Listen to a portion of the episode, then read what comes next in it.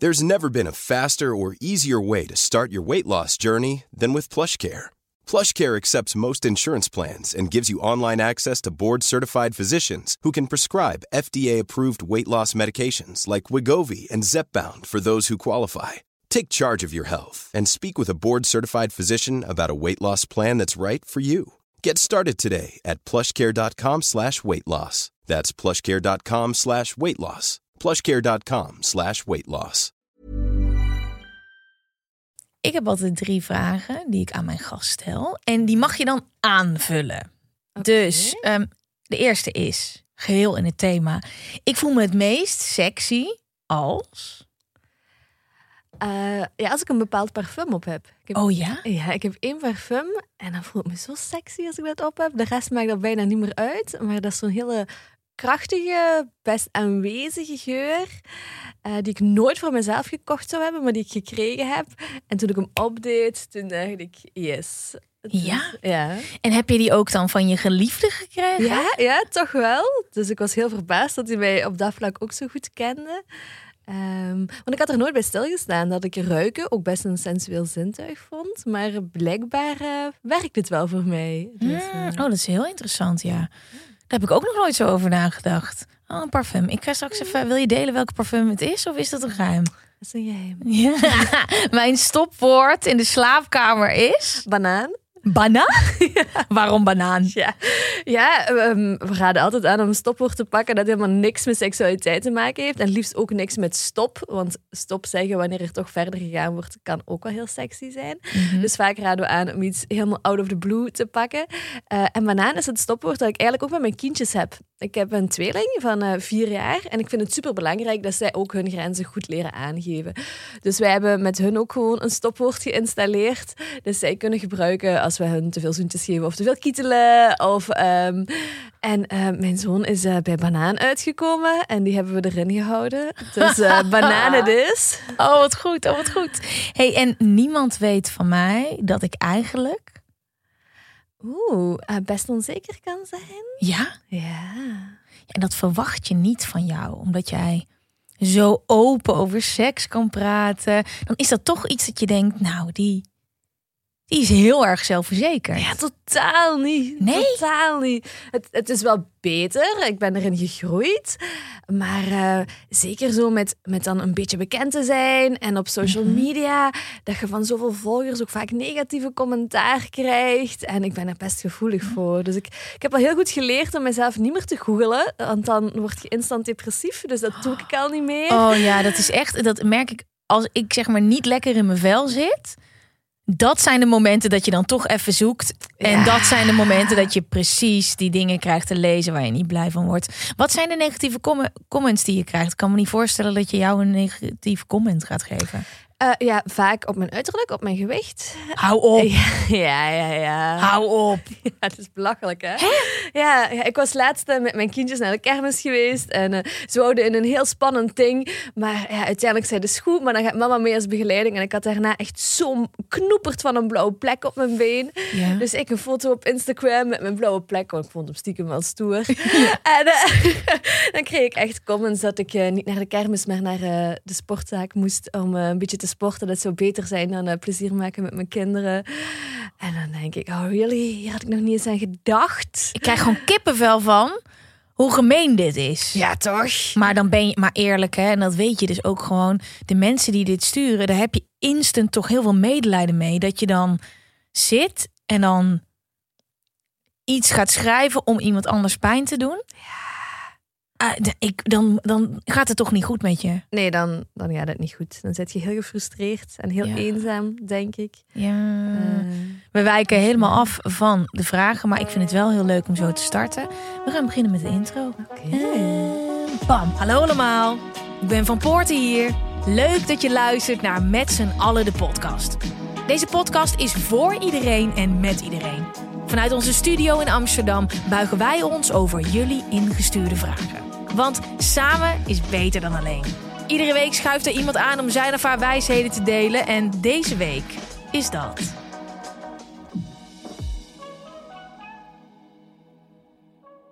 De allerleukste seksuologe uit de Benelux. Kaat Bolle. Way, hey, hey, hey. Kaat, eh, Ja. we go way back. Echt, hè? Ja. ja. Wat is denk je de eerste keer dat we elkaar hebben gezien? Dat moet bijna wel in de studio zijn Ja, geweest. ik denk het wel. In Hilversum. Ja, Wij kennen elkaar van spuiten en slikken. ja inderdaad. En jij was altijd gewoon de huisseksuologe. Kan je dat zeggen? De huisseksuologe. En Ja. het ging natuurlijk heel erg vaak over seks. Ehm, en ik vind het fantastisch dat je er bent. Want ik vind het heel leuk om je ook weer te zien. Zoveel jaar later. Mhm. eh, om je te gaan spreken. En even een kleine inleiding. Deze eh, aflevering, afleveringen gaan over seks. En ik ben daar een beetje weggebleven de afgelopen vier seizoenen. Omdat ik daarmee startte. De, de insteek van deze podcast ehm, was heel anders dan waar we nu zijn. Het ga- gaat heel veel over persoonlijke groei, persoonlijke ontwikkeling. Is echt een beetje zo gevormd. En in het begin dacht ik, het gaat vast alleen maar over seks en drugs. Als mensen vragen kunnen insturen. Ja. Nou, en elke keer als er een vraag over seks was of over fetish, kreeg ik een berichtje van mensen. En ook best veel. Van, nou, Gwen, het hoeft niet altijd over seks te gaan. En, en kan het wat meer over meditatie gaan? Kan het wat meer over je burn-out gaan? Dus ik bleef daar een beetje bij weg. Ik dacht, oké, misschien andere tijd. En ik dacht, nou, het is gewoon echt wel tijd om een keertje een aflevering ehm, over, over seks te gaan doen. Dus ik heb een oproep eruit gedaan. Ik Ja. zei, jongens, stuur me vragen. Als je wil, spreek je vraag in. Nou, ik keek op mijn telefoon. Ontploft. Ik heb een paar honderd vragen binnengekregen. Oh, ik heb zelfs een aantal eh, voice notes van mensen. En die zijn niet om aan te slepen, die voice notes met vragen over normale alledaagse dingen. En hier heb ik in één keer drie voice notes van jullie binnen. Die echt ook nice zijn. Dus Mm. ehm, jullie vinden het leuk. Er zijn genoeg vragen. We gaan nooit alle vragen eh, met kaart door kunnen nemen. Want we hebben maar anderhalf uur. Maar ik heb hele mooie uitgekozen. En we gaan daar zo induiken. En mijn hart gaat sneller kloppen. Dat jullie hier zo enthousiast van worden. Want ja, ik vind dat alles bespreekbaar moet zijn. Mhm. Gooi alles maar op tafel. Dus we gaan het die hard over seks hebben. Let's talk about sex, baby. Met Kaat. Kaat, eh, even voordat we beginnen. Hoe gaat het met je? Ja, best goed. Ja? Best goed, ja. ja. Ik heb nu mijn, eh, mijn eigen zaak. Ik ben eh, zelfstandig seksuologe, dus aan- bij mijn thuis ontvang ik nu heel veel koppels. Eh, ik werk voor Ladies Night Home Parties, waar ik een heel aantal erotische eigen producten voor ontworpen heb, wat ook super tof is. Eh, ik leid daar de consulenten ook voor op, dus super leuk. ik heb mijn tweeling, uiteraard, waar ik mijn handen mee vol heb. Eh, ik geef les op de hogeschool bij ons in België, op een postgraduaat seksuologische hulpverlener. Eh, ik ben geen psychologe niet meer, want daarvoor ben ik te sexy bevonden. Ja. Dat is dan wel weer wat jammer. Eh, maar afgezien daarvan gaat het supergoed met mij. En wat is de sexy, de sexy verbonden? Wat, de, de, oh, je bent te veel met seks verbonden. Eh, oh ja, er is, Ja? Een, eh, er is een klacht tegen me ingediend. Hè. Ehm, Hou op. Ja, ja, ja. Door een, eh, een andere psycholoog bij de psychologencommissie. Die vond dat ik de waardigheid van het beroep in gedrang bracht. ehm, omdat ik te sexy zou zijn op mijn persoonlijke Instagram-profiel. Nee. Ja. Hè? Maar het is toch vrij voor mensen om bij jou om advies te komen vragen en jou als seksuoloog in te schakelen. Dus als dat heeft daar toch helemaal niks mee te maken. Maar er heeft daar een raad over beslist. Ja, en die hebben mij dus veroordeeld. Ik heb een officiële waarschuwing gekregen. En dan ben ik in beroep gegaan, want ik dacht...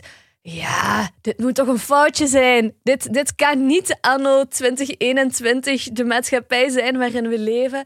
Eh, dus ik ben in beroep gegaan en toen hebben ze mij opnieuw veroordeeld. Eh, dan heb ik opnieuw een officiële waarschuwing gekregen. Ehm, en dan heb ik beslist zelf om mijn titel op te geven. Wat ik niet verplicht was, maar ik dacht, ja, ik kan geen psycholoog zijn als er zo over sexy vrouwen gedacht wordt. Ehm, en dan eh, heb ik dus mijn psychologentitel ingeleverd. Maar gelukkig heb ik mijn seksuologentitel nog en kan ik dus wel nog aan het werk blijven. Ehm, Ik zit echt met mijn oren te klapperen. Maar juist een vrouw die comfortabel is met haar eigen seksualiteit is toch een rolmodel. Is toch iemand waar je van wil leren over het leven. Jij bent jezelf, je hebt jezelf ontdekt, je durft je uit te spreken, je durft sexy foto's te posten.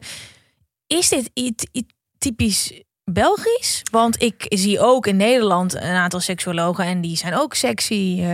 En Goedele is toch ook een sexy vrouw? Ja, klopt. Klopt. Nu ja, er moet maar één iemand zijn die klacht tegen u indient. Hè? En als er geen klacht tegen u ingediend wordt, dan heb je chance. Uh, en ik had blijkbaar de pech dat er tegen mij klacht is ingediend. Um, Weet je, dan moet het maar zo zijn. Hoe is dit ontvangen in België? Heb jij daar de... Ik heb superveel support gekregen. Ja. ja, het was echt fantastisch. Want ik had er heel veel schrik voor. Ik had heel veel schrik om met dat verhaal naar buiten te komen. Mhm. Ehm, omdat ik dacht, er gaan zeker mensen zijn die zoiets zeggen van... Ja, die kaat, daar is ze weer mediageil, weer een beetje de aandacht komen trekken. En er waren ook mensen die zo gereageerd hebben.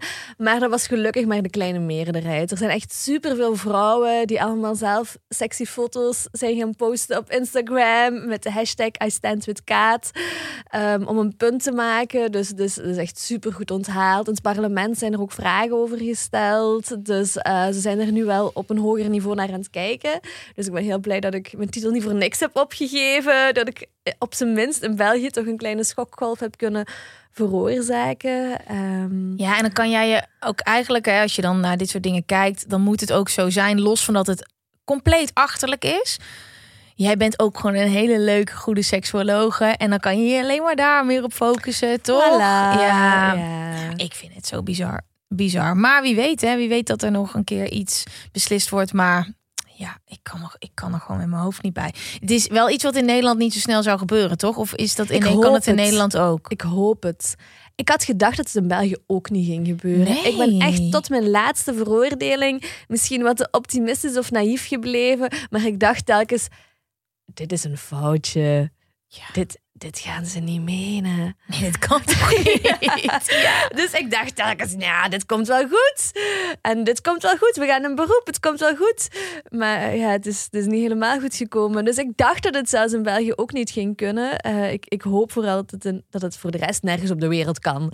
Dat we op dat vlak Nou. dan nog een, eh, een apenland zijn. Bizar, bizar. Hey, voordat we losbarsten met Mhm. alle mooie vragen die ik via tekst en voice notes heb ontvangen, is het tijd voor onze sponsor. Want we worden lekker gesponsord door Spa Touch. En daar ben ik super blij mee. En ik wil van jou weten: eh, plat water of bruisend water? Wat vind jij het lekkerste? Platswater. Plat water. Ja. Oké, dan heb ik ook een aantal smaakjes. Kijk ehm, deze flesjes zie je heel goed. Eh, rood is eh, sparkling, blauw is plat, maar dan hebben we ook een aantal hele mooie smaken. Strawberry mint, raspberry Mhm. apple of lime jasmine.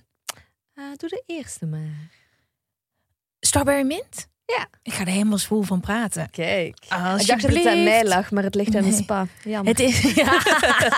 Dan ga ik voor platwater, want de vorige keer had ik bruisend en ik vind bruisend super lekker. Alleen ehm, een podcast presenteren terwijl je een flesje bruisend water net achterover hebt geslagen, is misschien niet de allerbeste keuze. Nee, maar ehm, ik ga, ik doe eens gek, ik doe lime jasmine. Ah, ruikt wel lekker. Hey there, it's Michelle Norris. I'm host of a podcast called Your Mama's Kitchen. When I travel, I'm usually looking for a way to find a taste of home when I'm not at home. And one of the things I love to do when I am at home is entertain. And Airbnb allows me to do that. When I was in California recently, I rented a house that had a great kitchen. And when we were sitting around the table, we're all thinking, we're in someone else's house. Someone could be in all of our homes as well. If you have a home, but you're not always at home, you have an Airbnb. Your home might be worth more than you think. Find out how much at airbnb.com/slash host.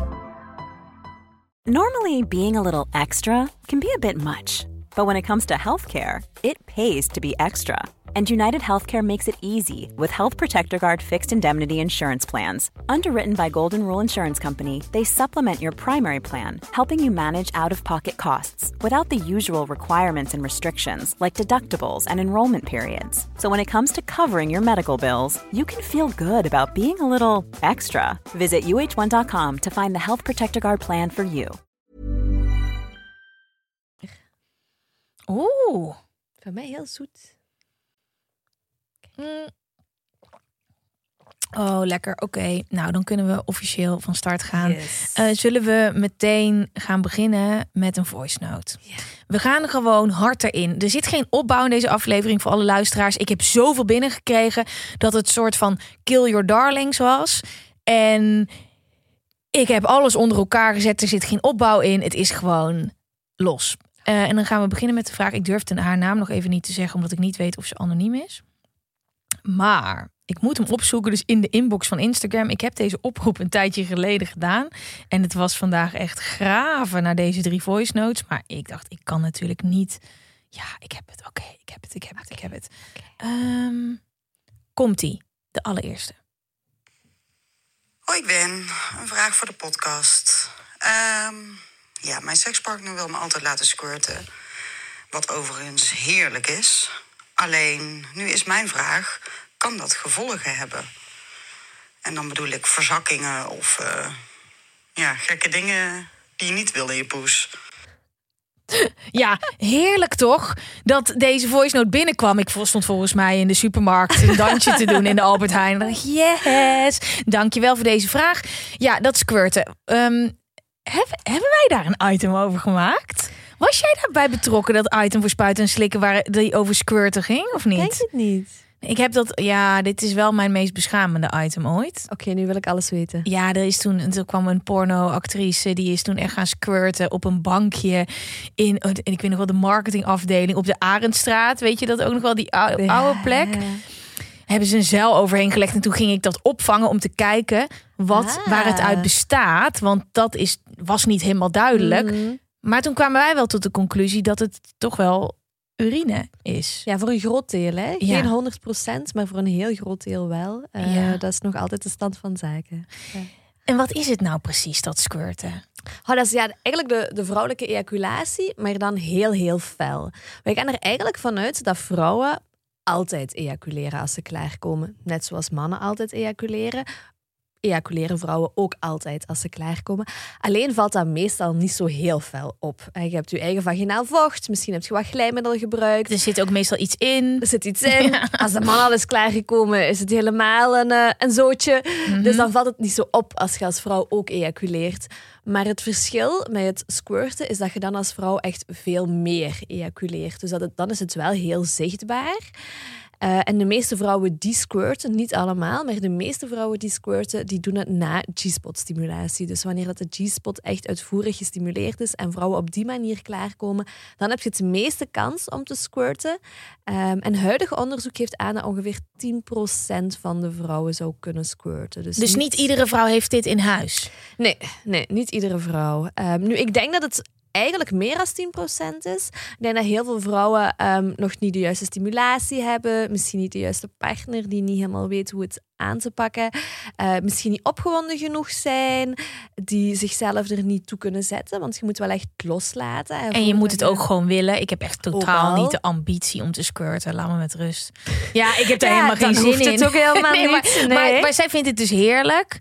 Ik kan me ook wel voorstellen dat dat... Ja, ik heb dit... Ik, het, is, het zit niet in mijn eh, seks... eh, eh, hoe zeg je dat? Seksueel repertoire. Het zit niet in mijn repertoire. Maar zij vindt het heel erg lekker. Maar ze denkt wel, dit is misschien zo lekker...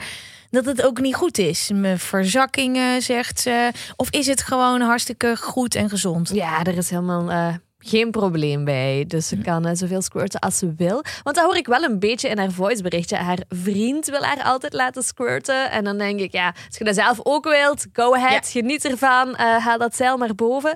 Ehm, maar eh, Ja, haal Ja. inderdaad het zeiltje maar naar boven. Ja, ja. Ik denk meteen aan het hele praktische ook daarin. ja, ja, dat is natuurlijk wel. Nu ja, op zich, als een man klaarkomt, is, is het ook een smosboel. Hè? En dat Ja. weten we ook altijd wel opgeruimd te krijgen. Dus Ja, ik daar heb- zou ik me nu door laten Ik heb die beelden van dat item in mijn hoofd. Je bent gewoon die- getraumatiseerd. Ja, en ik moest echt zo'n lasbril ook op en zo'n witte jas. En dan ging ik het opvangen. En dat gaat natuurlijk alle kanten op. Ah, en toen dacht ik, ja, dit gaan wij nooit thuis doen. Ehm, maar ik vind het wel leuk dat ze zo enthousiast ervan is. En dat het zo grappig dat ze zich afvraagt, oké, is het dan ergens slecht voor? Nee, ga gewoon helemaal los. Absoluut. Voor iedereen die luistert, eh, man of vrouw, eh, hoe werkt dat dan precies, dat squirten bij een vrouw? Wat ik me kan herinneren is dat het een bepaalde techniek is. Kan het gewoon alleen door penetratie of is het per se een handmovement? Eh, door penetratie kan het ook wel, maar is het een stuk moeilijker. Dus wat gebeurt er eigenlijk? Eh, De G-spot, dat is de plek waar dat de inwendige clitoris de vaginawand gaat raken. En die bestaat echt allemaal, jongens. Voor het geval dat sommige mensen denken: hé, hey, is ja, die, die is er gewoon. Ja, die is er gewoon. Ja, absoluut. Dus we hebben een inwendige clitoris die ongeveer een twaalftal centimeter groot is. Als we heel opgewonden zijn, dan gaat die opzwellen. Net zoals de penis opzwelt eh, als mannen opgewonden zijn. Onze clitoris gaat ook opzwellen. Gaat binnenin meer plaats innemen, waardoor dat de uitlopers en de zwellichaampjes van de clitoris tegen de vaginawand komen aan te liggen. En die komen gemiddeld genomen, want net zoals de penis bij elke man anders is, is de clitoris ook bij elke vrouw anders. Maar gemiddeld genomen komen die uitlopers ongeveer 5 centimeter diepte aan buikzijde. Dus daar zit bij de meeste vrouwen de G-spot. Maar dat is een beetje afhankelijk van vrouw tot vrouw. En dus ook afhankelijk van hoe opgewonden je bent. Want als je heel opgewonden bent, ja, dan gaan die uitlopers natuurlijk op een ander plekje komen dan als je iets minder opgewonden bent. Dus ongeveer 5 centimeter buikzijde. En dan is het heel belangrijk dat je vooral druk gaat zetten. Want we hebben die uitlopers die dus tegen de vaginawand aankomen. En ja, we gaan gestimuleerd worden aan de andere kant van de Ja, vaginawand. dat is een soort van die beweging. Ja, kom dat ja. beweging. Ja, Dus, precies. Ja, ja. oké. Ja, ja, ja, ja, Ja, ja, En dan moet je dus vooral genoeg druk zetten dat je eigenlijk die uitlopers aan de andere kant van de vaginawand gaat kunnen stimuleren. Dus het is belangrijk om genoeg druk te zetten Ehm, en inderdaad echt die beweging te maken. En dan heb je al een zeer flexibele penis in een zeer goede hoek nodig. Dus met een speeltje of met vingers is het, eh, is het vaak gemakkelijker. Ah, nice. Oké. Nou, ik denk dat we. Oh ja, nee. Voordat we naar een volgende vraag gaan, heel even over die clitoris. Ja, Die is dus ook echt veel groter dan een hele hoop mensen denken. Hè? absoluut. Ik weet niet wat jullie luisteraars denken, maar toen ik voor het eerst zag op een plaatje bij Spuiten en Slikken hoe groot die clitoris is. Ik heb dus ook ooit gehoord dat de clitoris, dat daar soms in operaties per ongeluk een stukje wordt weggehaald. Omdat in biologieboeken die de dokters hebben op dit moment, zie je helemaal niet dat die clitoris zo groot is. Is dat waar? Dus eigenlijk hetzelfde als dat een man zijn geslacht zegt. Oh, sorry meneer, we hebben een stukje van uw linkerbal weggehaald. Ja, staat niet in ons biologieboek. Ja, en linkerbal is dan nog niet zo erg, hè? Want Ja. dat heb je niet nodig voor seksueel genot, hè? Dus ik zou wel weten wat te kiezen. Maar eh, ja, er zijn heel, heel weinig mensen die dat weten. En ook inderdaad, zelfs dokters of gynaecologen, zelfs veel van hun hebben dat in hun opleiding gewoon niet meegekregen. Ehm, dus het is, ja, het is verschrikkelijk, hè? Maar hoe kan het dat iets dat in ons zit, dat zo groot is, dat dat niet in een biologieboek staat? Goh, dat is ook omdat dat, omdat dat nog niet zo heel lang geleden ontdekt is. En omdat vrouwelijke seksualiteit ook niet zo belangrijk is, zeggen we. Dus ze vonden het gewoon niet belangrijk genoeg om te onderzoeken. Ja, ja. Vrouwelijk genot is niet noodzakelijk. Hè? Mannen moeten klaarkomen om zich voor te kunnen planten. Ja, vrouwen die genieten. Ja. Ah, maar je zou toch denken, vrouwen die heel hard genieten, gaan zich ook eerder voorplanten. Zou ik dan denken, hè? Als je zo kijkt naar de, hoe, hoe meer zin een vrouw heeft, hoe, Hoe beter. Ja. Ja. dat zou ik ook denken. Eh, en gelukkig zijn we daar nu stilletjes aan mee bezig. En weten we dat de inwendige clitoris bestaat. En komt die ook in meer biologieboeken, ook op, op lagere scholen. Nog lang niet in alle boeken, maar er zijn al boeken waar de, de vrouwelijke clitoris, de inwendige clitoris ook in staat. Ehm, dus eh, we komen er. Mooi. We hebben een speciale seksweek op het met z'n allen de podcast op Instagram. En ik denk dat we gewoon even in de stories of misschien op de tijdlijn gewoon even een plaatje gaan posten van hoe groot die clitoris nou echt is. En laat me ook even weten of jij hiervan op de hoogte was. Want wij zijn natuurlijk best wel thuis in seksland. Mm. Ehm, en dan weet ik gewoon soms niet hoe dat dan te peilen is. Of dit nou iedereen dit heeft meegekregen of nee, niet. Nee, de meerderheid van de vrouwen weet dit niet. Ja, je schrikt je echt kapot. Is leuk om te zien. Ehm, dan gaan we naar eh, de eerste vraag. Die ga ik even voorlezen. Het is niet waar de eerste vraag, de eerste tekstvraag. Lieve Gwen en gast, ik ben een trouwe luisteraar van de podcast en ik kijk altijd weer uit naar een nieuwe editie. Ik twijfelde of ik deze vraag moest stellen, maar ik trek, toch de schoenen aan. Ik zit namelijk in een visueuze cirkel. Het zit zo. Ik voel me schuldig omdat ik voor mijn gevoel niet vaak genoeg opensta voor seks. En vaak denk ik dat ik te weinig seks geef aan mijn vriend. Maar daardoor krijg ik vaak stress als er seks in de lucht hangt en bevries ik soms tijdens het voorspel. Waardoor ik minder seks heb dan ik zou willen. En dus weer stress krijg omdat ik niet genoeg seks heb, enzovoort, enzovoort. Hoe doorbreek ik dit patroon? Liefst een anonieme luisteraar.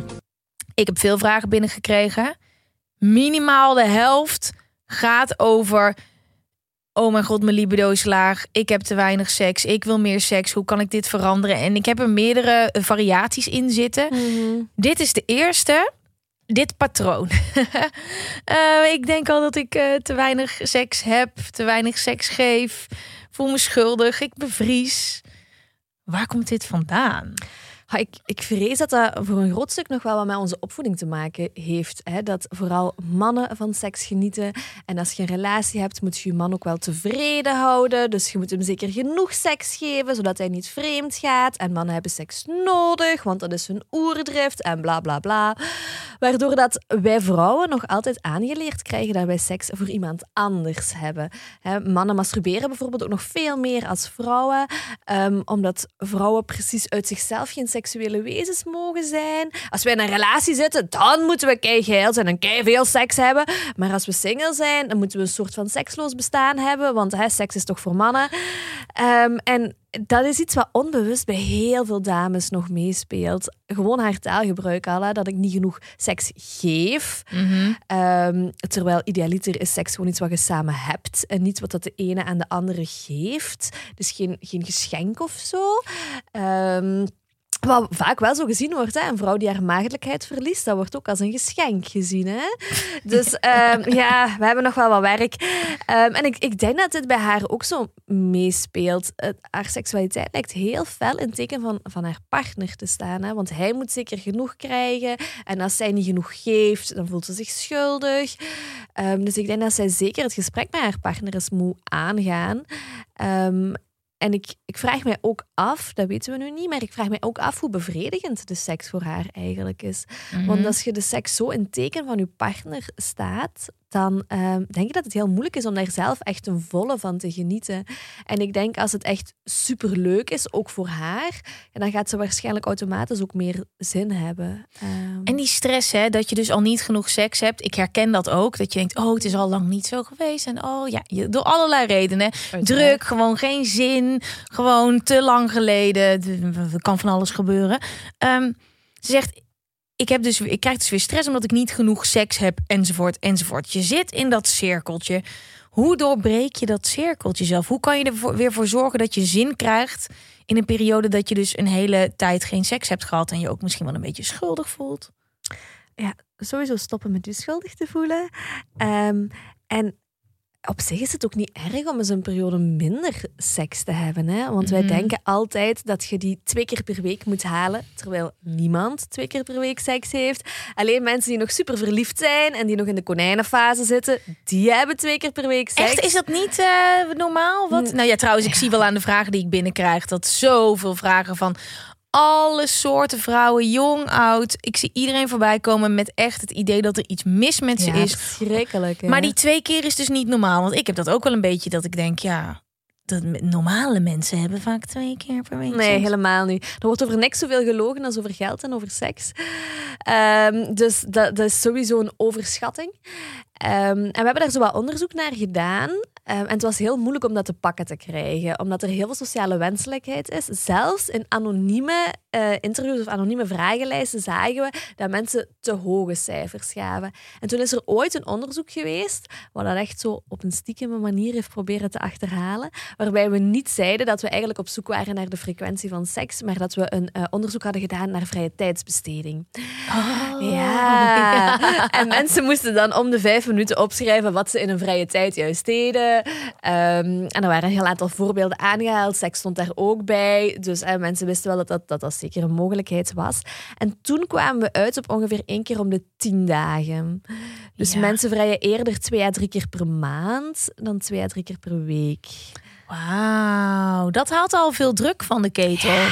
Want als je sowieso iets wil nastreven, een ideaalbeeld waar je nog niet bent. Hetzelfde met sporten. Als je om je heen kijkt, niet, oh, iedereen sport vijf keer per week. Dat kan niet de motivatie zijn, dat verlamt. Juist als je denkt, oké, waarom sport ik? Ook afvallen, dat is ook niet de motivatie. Nee, ik weet gewoon als ik één keer ga sporten, dat ik meteen me lekkerder voel. Ik zit lekkerder in mijn vel, mijn hoofd voelt het beter. Dat is een fijne motivatie. Iets waarbij je het gevoel hebt dat je altijd achterloopt. Ah, dus dat is wel mooi. Gewoon, ah, zie je jongens, twee, drie keer per we maand. Per ho, maand, per maand. ho. maand. Ja. Ehm, de eerste stap voor haar, waar begin je? Waar, waar begin je? Dus je niet schuldig voelen. Oké, is misschien makkelijker gezegd dan gedaan. Ehm, ze heeft die stress.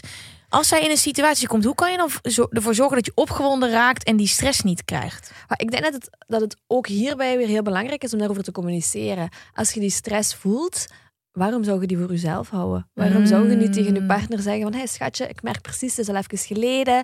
Vind jij dat een probleem? Vind ik dat een probleem? Ah, tja, ja, we vinden dat niet echt een probleem, maar we missen dat wel. Zullen we vanavond anders wat tijd voor elkaar maken? Eh, ik zal dit aan doen, doet jij dat aan? We zien elkaar om zo laat, weet ik veel. Ehm, maar gewoon opentrekken. Want misschien heeft die vriend daar helemaal geen probleem mee. Hè? Misschien zegt hij, schat, het is kei druk op mijn werk. Laat mij alsjeblieft slapen als ik mijn bed zie.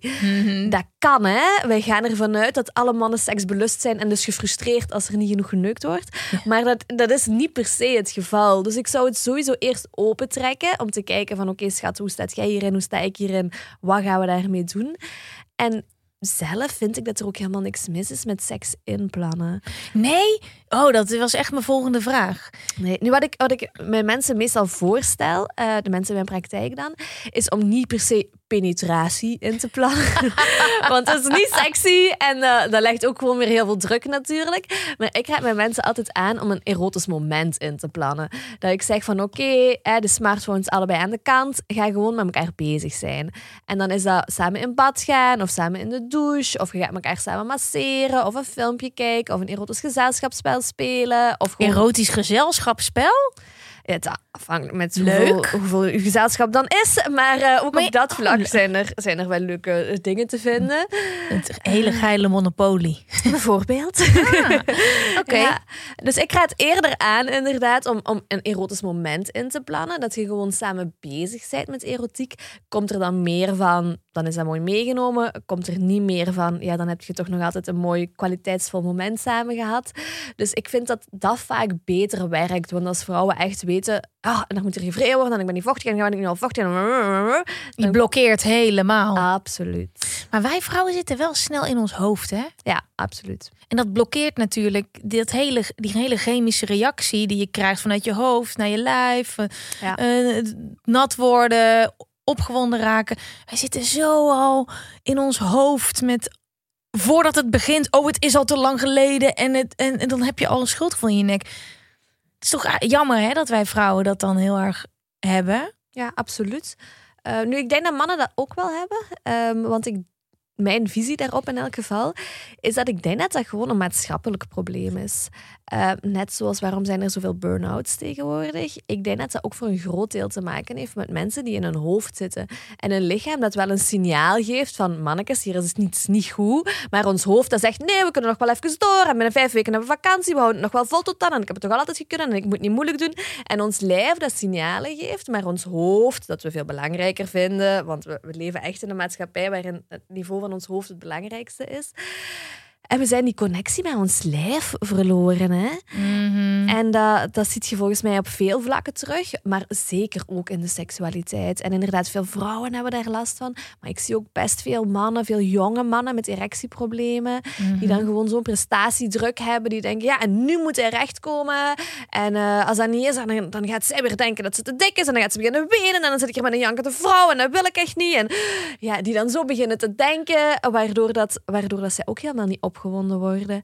Ehm, dus ik zie, ik zie meer en meer seksuele problemen die daar eigenlijk naar terug te brengen zijn. Dat we zo de connectie met ons lijf verloren zijn en dat we, dat we te veel een verdiepingske hoger zitten.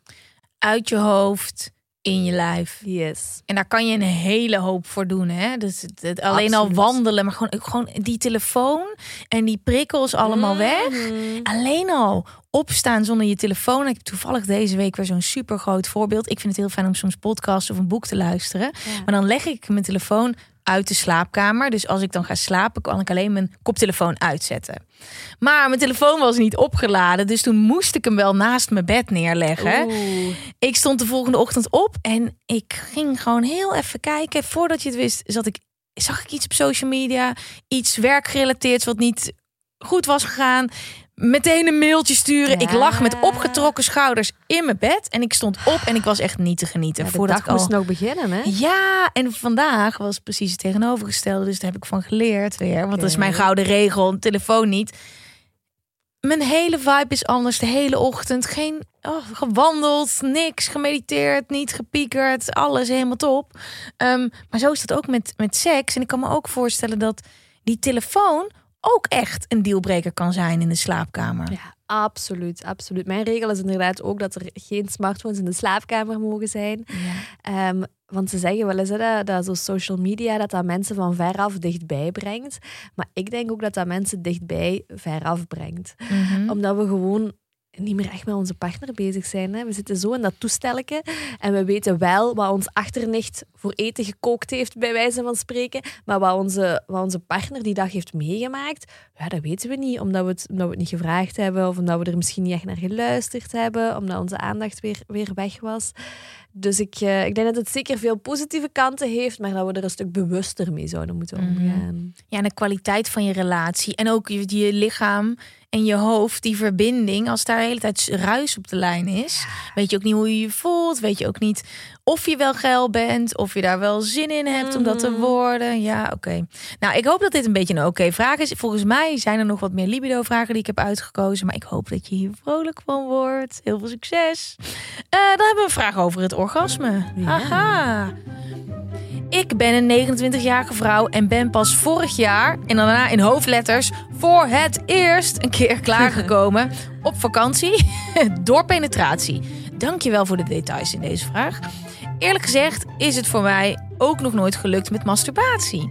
Er zit een blokkade in mijn hoofd die mijn lichaam helaas tegenhoudt om te genieten. Sowieso tijdens masturbatie mis ik wat creatieve visualisatie. Porno vind ik nou ook niet echt bijzonder. Begrijp me niet verkeerd, ik houd van seks, daarom vind ik het ook zo jammer. Heb jij tips om mezelf die blokkade te laten oplossen? Hele interessante vraag. En even een beetje persoonlijk, weet jij nog wanneer je voor het eerst een orgasme had? Voor het eerst. Ik ben jong geweest. Ah, jong. Ik denk een jaar of 14, 15, 13, 14, 15. Ik weet het niet. Ergens daar rond. En was dat solo of met een... eh, Solo, ja, ja. oké. Ja, ik heb dus het gevoel dat mijn seksleven een beetje... eh, ik wil niet zeggen dysfunctioneel, maar anders is. Doordat ik voor het eerst een orgasme heb gehad met mijn eerste vriendje. En dat ik daar va- daarvoor ook helemaal niet actief was. Masturberen, dat... Ja, nee, dat was gewoon helemaal, zat helemaal nog niet in mijn hoofd. Ik was ook wel echt heel erg jong toen ik voor het eerst een vriendje kreeg. Ja. 14. ehm, daar ben ik 3,5 jaar mee samen geweest. Maar die hele seksuele ontdekkingstocht zat dus vast aan een man. Ja. Waardoor ik ook heel lang in mijn leven heb gedacht dat een orgasme verbonden was aan een man. Ik zag het nut van masturberen ook helemaal niet. Ik denk, Maar dat is toch gewoon ten eerste veel leuker en veel makkelijker. En heel grappig, dat is bij mij andersom gegaan. Ehm, hier zegt zij, ik ben voor het eerst klaargekomen ook op vakantie. Nou, dat voor mij was ook op vakantie. Ehm, en zij heeft misschien ook wel een beetje hierin de- zelfs een blokkade, zegt ze. Eh, is dit iets wat vaak voorkomt? Ja, het komt wel, wel regelmatig voor. Wij hebben ongeveer, als we een schatting moeten maken, dan schatten we dat ongeveer 10% van de vrouwen niet klaarkomt. Ehm, en meestal heeft dat inderdaad met een blokkade te maken. Als we echt lichamelijk gaan kijken, dan is quasi elke vrouw ertoe in staat. Misschien een half procent tot 1% niet. Eh, maar van die 10% kunnen dus eigenlijk de meeste vrouwen wel klaarkomen, fysiek gezien, maar lukt het hun niet omdat ze zichzelf tegenhouden of omdat ze niet de juiste stimulatie hebben, omdat ze zichzelf niet goed genoeg kennen. Eh, dus helaas zijn er best veel vrouwen die, eh, die niet klaarkomen. Hoe neem je zo'n blokkade weg? Oh ja, ik zou haar sowieso aanraden om, om zeker te blijven masturberen en op zoek te gaan inderdaad naar die extra prikkels. Want ze zegt, ja, porno vind ik niks. Wat heel goed kan, hè, dat mag. Eh, er is natuurlijk ook vrouwvriendelijke porno, Mhm. porna. Eh, misschien moet ze daar eens naar gaan kijken, of naar, naar foto's, of moet ze filmpjes gaan ehm, ja, in, in filmpjes gaan zoeken of moet ze verhalen gaan lezen. Inderdaad. En je hebt nu ook eh, eh, allerlei podcasts. Ja, erotische podcasts. Met verhalen. En je hebt boeken. En er is een heel spectrum voor als je porno te lomp vindt. Ja, zeker. En ik denk dat dat ook wel heel belangrijk is. Want uiteindelijk, als we met een man seks hebben, hebben we meestal, of met een partner, hebben we ook wel voorspel. En dat is belangrijk. Dat zorgt ervoor dat we opgewonden raken, dat ons lichaam er klaar voor wordt, dat die clitoris wat zwelt, waardoor die gemakkelijker gestimuleerd kan worden. Ja, als je gewoon als vrouw gewoon klaar gaat liggen en je speeltje erbij haalt, ja, dan is de kans bestaande dat dat gewoon niks doet, omdat je dat voorspel vergeten bent. Dus ik denk dat het heel belangrijk is dat ze eens op zoek gaat bij zichzelf van welk voorspel triggert mij, wat kan ik zelf doen. Eh, en dat ze dan ook qua manieren van stimulatie eens gaat kijken. En ze is klaargekomen door penetratie, dus misschien gaat dan een inwendig speeltje ook effectiever voor haar zijn. Ehm, dus ik denk dat, dat het voor haar goed is om daar een zoektocht rond te doen. Wat ik denk dat ook heel interessant zou kunnen zijn, is, ja, ze geeft aan dat ze alles is klaargekomen. Dus ze weet dat ze het kan. Haar lichaam werkt naar haar behoren. Ja, ik ben heel benieuwd wat dan het moment was dat het gelukt is. Wat was er toen anders dan andere keren? Deed haar partner iets anders? Deed zij iets anders? Op Deed vakantie, zegt ze. Ze zal wel al minder vaker op vakantie geweest zijn. Ja, dat is waar. dus- Maar ik weet dus niet of ze al lang met hem een relatie.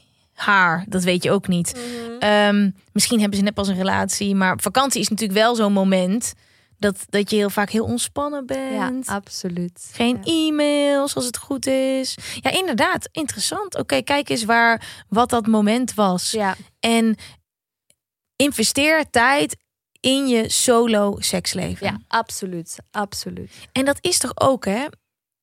Als je kijkt naar mannen en naar vrouwen. Het is toch gewoon heel belangrijk dat je ook nog solo een seksleven hebt. Zeker weten, zeker weten. Dat blijkt ook echt uit onderzoek. Hè. Vrouwen die masturberen, die hebben meer seks met hun partner, die hebben een hoger eh, seksueel zelfbeeld, die hebben meer orgasmes, die geven aan een betere relatie te hebben. Dus eigenlijk, masturbatie heeft alleen maar positieve effecten. En sommige mensen die hebben daar een, een bijzondere kijk op en die zien dat dan als een soort van bedrog of concurrentie. Of er zijn mensen die daar hele rare gedachten bij hebben. Maar ik denk dat, dat die twee stukken gewoon langs elkaar kunnen staan. Je hebt seks met je partner en je hebt seks met jezelf. En het een hoeft het ander helemaal niet uit te sluiten. Omdat het gewoon ook eigenlijk totaal niet te vergelijken is met elkaar. Ja, ja, helder, duidelijk.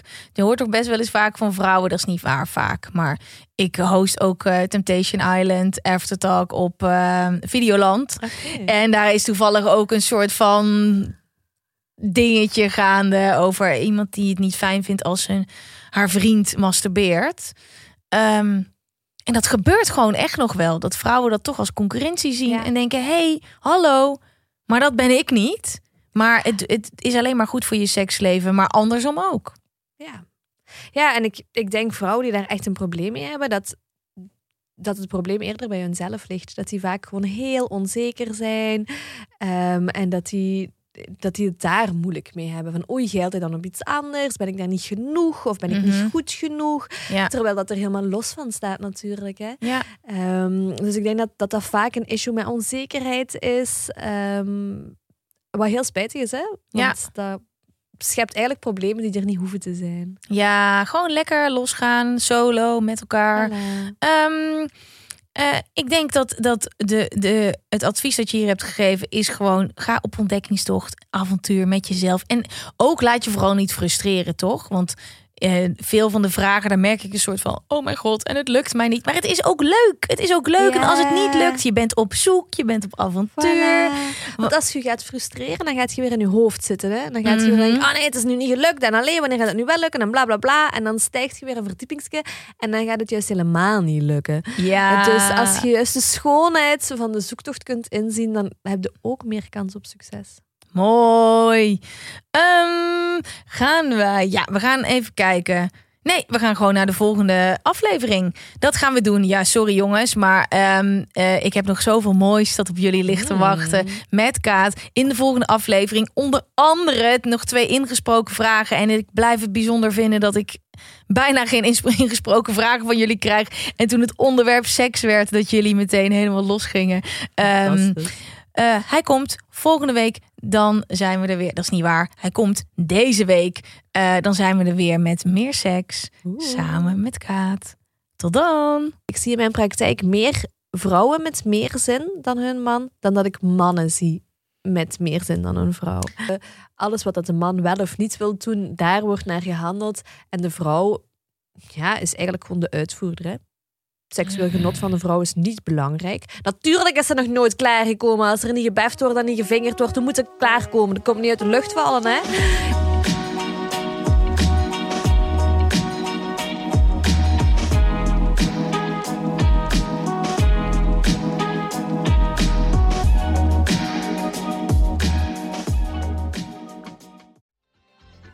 Weet je waar ik zo'n tyfushekel aan heb? Toeristen, als het te druk is in de stad, zelf koken. Ja, alles wat je nu zojuist benoemt. En daarom maken jij, denk Daan Hogevorst, En Robert Rodenburg. een podcast waarin we alleen maar klagen. Want klagen is HET medicijn tegen het collectieve leed wat maandag heet. Dus elke maandagochtend een nieuwe te horen op je favoriete podcast-app. Maandag Klaagdag! Jezus, zingen moeten wij nooit doen. Dit is vervelend. We hebben nog 30 seconden advertentieruimte beschikbaar, maar jouw merk zit er niet in. Wil jij deze ruimte beter benutten en staan waar voorheen HelloFresh of Samsung stonden? Mail dan naar adverteren@tonymedia.nl. A lot can happen in the next three years. Like a chatbot may be your new best friend. But what won't change? Needing health insurance. United Healthcare Tri Term Medical Plans are available for these changing times. Underwritten by Golden Rule Insurance Company, they offer budget friendly, flexible coverage for people who are in between jobs or missed open enrollment. The plans last nearly three years in some states, with access to a nationwide network of doctors and hospitals. So, for whatever tomorrow brings, United Healthcare Tri Term Medical Plans may be for you. Learn more at uh1.com.